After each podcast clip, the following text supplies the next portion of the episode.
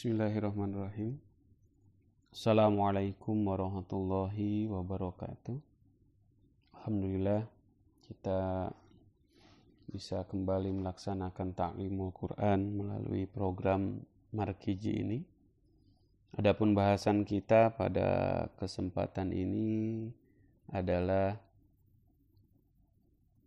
ruku kelima ya dari Quran surah Al-Maidah dimulai dari ayat 28 hingga ayat ke-35.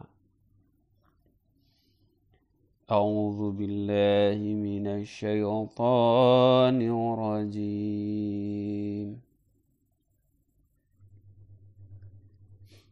واتل عليهم نبأ ابناء آدم بالحق آدم بالحق إذ قربا قربانا فتقبل من أحدهما ولم يتقبل من الآخر. قال لأقتلنك؟ قال إنما يتقبل الله من المتقين. Dan ceritakanlah kepada mereka kisah kedua anak Adam dengan benar. Ketika keduanya memberikan pengorbanan, maka dikabulkan salah seorang dari keduanya itu, sedangkan dari yang lain tidak dikabulkan. Lalu ia berkata, "Niscaya engkau akan kubunuh." Saudaranya berkata, "Sesungguhnya Allah hanya mengabulkan pengorbanan dari orang-orang yang bertakwa." Di sini dijelaskan bahwa sebutan kedua anak Adam secara kiasan maksudnya ialah dua pribadi siapa saja dari antara segenap keturunan umat manusia. Dan perumpamaan ini pun menggambarkan sikap tidak bersahabat dari kaum Bani Israel terhadap keturunan Bani Ismail. Oleh karena silsilah kenabian telah berpindah dari mereka kepada kaum Bani Ismail yang terwujud dalam pribadi Rasulullah Shallallahu Alaihi Wasallam. لئن بسطت إلي يدك لتقتلني ما أنا بباسط يدي إليك لأقتلك إني أخاف الله رب العالمين Jika engkau menjangkaukan tangan engkau terhadapku untuk membunuhku, Sekali-kali aku tidak akan menjangkaukan tanganku terhadap engkau untuk membunuh engkau. Sesungguhnya aku takut kepada Allah, Tuhan seluruh alam. Inni uridu an tahbu'a bi ismi wa ismika fatakuna min ashabin nar. وذلك جزاء الظالمين Sesungguhnya aku menginginkan supaya engkau menanggung dosaku dan dosa engkau sendiri.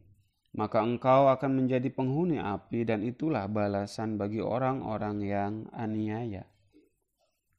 Kata uridu atau aku menginginkan berasal dari kata roda yang kadang-kadang tidak menyatakan keinginan yang sebenarnya, melainkan hanya menerangkan suatu keadaan atau kondisi praktis yang agaknya menjurus kepada suatu situasi tertentu.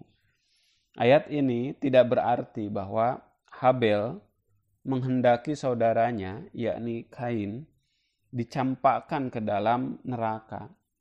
Apa yang dimaksud olehnya hanya sebagai akibat wajar, tapi pasti ya, dari sikapnya sendiri yang tidak agresif atau lebih mengalah itu. Saudaranya yaitu Kain akan masuk neraka.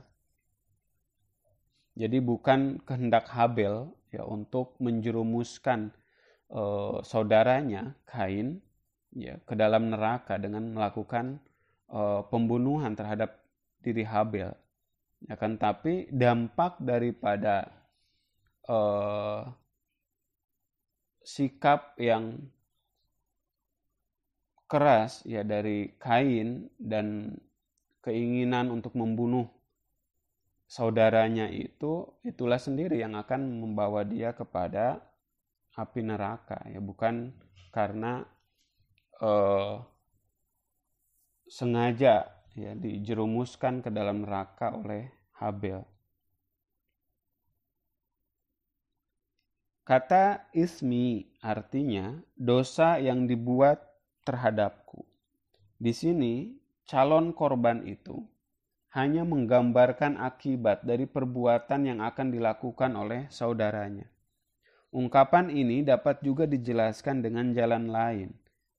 Ya, bagaimana menurut riwayat Rasulullah Shallallahu Alaihi Wasallam bersabda bahwa pada hari peradilan perbuatan-perbuatan baik yang dilakukan orang-orang zalim akan dipindahkan kepada orang-orang yang dianiaya oleh mereka.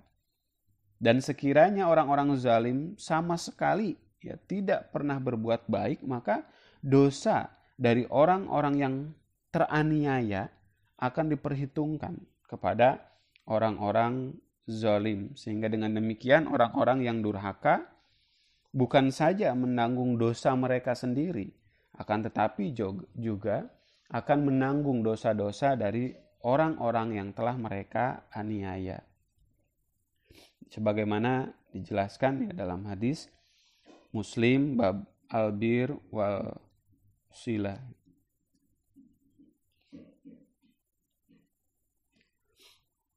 فطوعت له نفسه قتل أخيه فقتله فأصبح من الخاسرين tetapi nafsunya telah mendorongnya kepada tetapi nafsunya telah mendorongnya supaya membunuh saudaranya lalu ia membunuhnya maka ia termasuk di antara orang-orang yang rugi فبعث الله غرابا يبحث في الأرض ليريه كيف يواري سوءة أخيه. قال يا ويلتى عجزت أن أكون مثل هذا الغراب؟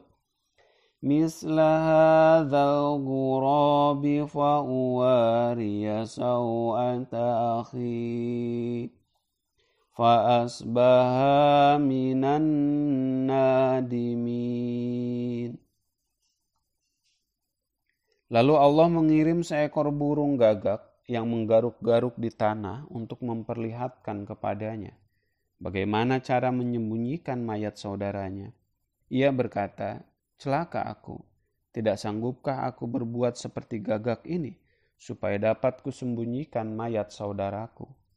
Maka jadilah ia termasuk orang-orang yang menyesal. Para mufassirin berlainan pendapat mengenai peristiwa burung gagak itu. Apakah benar-benar terjadi ataukah hanya sekedar perumpamaan? Namun tidak mustahil bahwa peristiwa demikian itu sungguh-sungguh terjadi. Sebagaimana penyelidikan mengenai cara dan kebiasaan-kebiasaan burung-burung telah melahirkan banyak penemuan yang berguna. من أجل ذلك كتبنا على بني إسرائيل أنه من قتل نفسا بغير نفس. بغير نفس أو فساد في الأرض فكأنما قتل الناس جميعا. ومن أحياها فكأنما أحيا الناس جميعا. ولقد جاءتهم رسلنا بالبينات ثم إن كثيرا منهم بعد ذلك في الأرض لمسرفون Oleh sebab itu kami tetapkan bagi Bani Israel bahwa siapapun yang membunuh seseorang Padahal orang itu tidak pernah membunuh orang lain atau telah melakukan kerusuhan di bumi, maka seolah-olah ia membunuh seluruh manusia. Dan barang siapa menyelamatkan nyawa seseorang, maka ia seolah-olah menghidupkan seluruh manusia. Dan sungguh telah datang kepada mereka rasul-rasul kami dengan tanda-tanda yang nyata. Kemudian sesudah itu, sungguh kebanyakan dari mereka melampaui batas di bumi.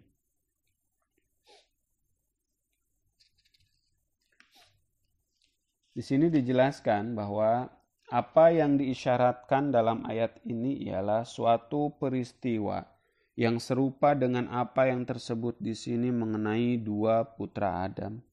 Tetapi peristiwa yang mengandung arti yang jauh lebih luas lagi penting itu akan terjadi kelak di kemudian hari. Seorang nabi akan muncul di antara saudara-saudara Bani Israel. Kenyataan ini akan menimbulkan kemarahan kaum Bani Israel terhadap nabi itu, dan mereka akan menjadi haus darah karena disulut oleh rasa iri hati, persis seperti Kain telah menjadi haus darah terhadap saudaranya Habel. Nabi tersebut bukan sembarang wujud. Dialah yang akan menjadi pembaharu dunia dan ditakdirkan membawa syariat abadi bagi segenap umat manusia yang seluruh masa depannya itu bergantung padanya. Dan oleh karena itu, membunuhnya adalah sama dengan membunuh seluruh umat manusia dan menyelamatkan jiwanya berarti sama dengan menyelamatkan seluruh umat manusia. إنما جزاء الذين يحاربون الله ورسوله ويسعون في الأرض ويسعون في الأرض فسادا أن يقتلوا أو يصلبوا أو يقطع أيديهم. وأرجلهم من خلاف أو ينفوا من الأرض. ذلك لهم خزي في الدنيا ولهم في الآخرة عذاب عظيم Sesungguhnya balasan bagi orang-orang yang memerangi Allah dan Rasul-Nya dan berusaha melakukan kerusuhan di negeri ini Hendaknya mereka dibunuh atau disalib, ataupun dipotong tangan dan kaki mereka disebabkan oleh permusuhan mereka, atau mereka diusir dari negeri ini. Hal demikian adalah kehinaan bagi mereka di dunia ini, dan di akhirat pun mereka akan mendapat azab yang besar. Dijelaskan di sini bahwa Islam tidak ragu-ragu mengambil tindakan-tindakan yang paling keras bila kepentingan negara atau masyarakat luas menghendaki demikian untuk membongkar sampai ke akar-akarnya suatu kejahatan yang berbahaya. Islam menolak tenggang rasa palsu yang berdasar emosi hayali. Namun, pada waktu menjatuhkan hukuman, atas pelanggaran yang mengganggu ketertiban umum, Islam menggunakan akal dan pertimbangan-pertimbangan yang sehat. Hukuman yang ditetapkan di sini terdiri atas empat kategori. Bentuk hukuman yang dijatuhkan dalam suatu perkara tertentu akan bergantung pada suasana dan lingkungan. Memberikan atau menjatuhkan hukuman adalah menjadi wewenang pemerintah dan bukan wewenang perseorangan. Kata-kata diusir dari negeri ini menurut Imam Abu Hanifah berarti dipenjarakan.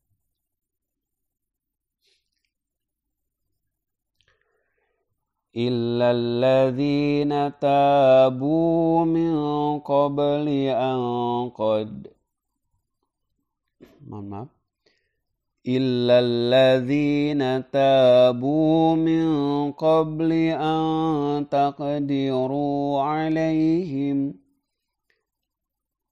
أن تقدروا عليهم فاعلموا أن الله غفور رحيم kecuali orang-orang yang bertobat sebelum kamu berkuasa atas mereka.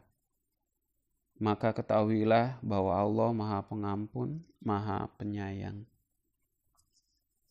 Ayat ini dan ayat sebelumnya tidak mengisyaratkan kepada perampok-perampok dan penyamun-penyamun biasa, melainkan kepada pemberontak-pemberontak dan penjahat-penjahat yang menyerang negara Islam, sebagaimana jelas dari kata-kata yang memerangi Allah dan Rasul-Nya. Kesimpulan demikian selanjutnya ditunjang oleh kenyataan bahwa ayat ini menjanjikan pengampunan kepada pelanggar-pelanggar hukum apabila mereka bertobat.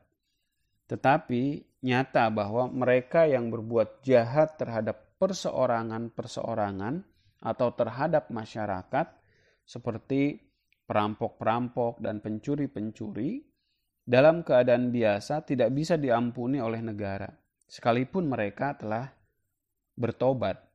Mereka harus ya, mengalami hukuman karena perbuatan jahat mereka sesuai dengan ketentuan hukum. Sudah barang tentu tobat dapat menjamin mendapat ampunan dari Tuhan. Akan tetapi kekuasaan negara dalam hal ini terbatas.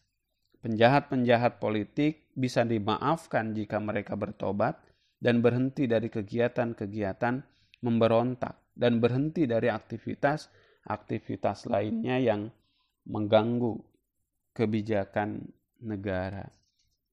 Ini ya bahasan di ruku kelima surah Al-Maidah. Akan kita cukupkan. Insyaallah dalam kesempatan lain kita akan lanjutkan pada ruku ke-6 demikian. Assalamualaikum warahmatullahi wabarakatuh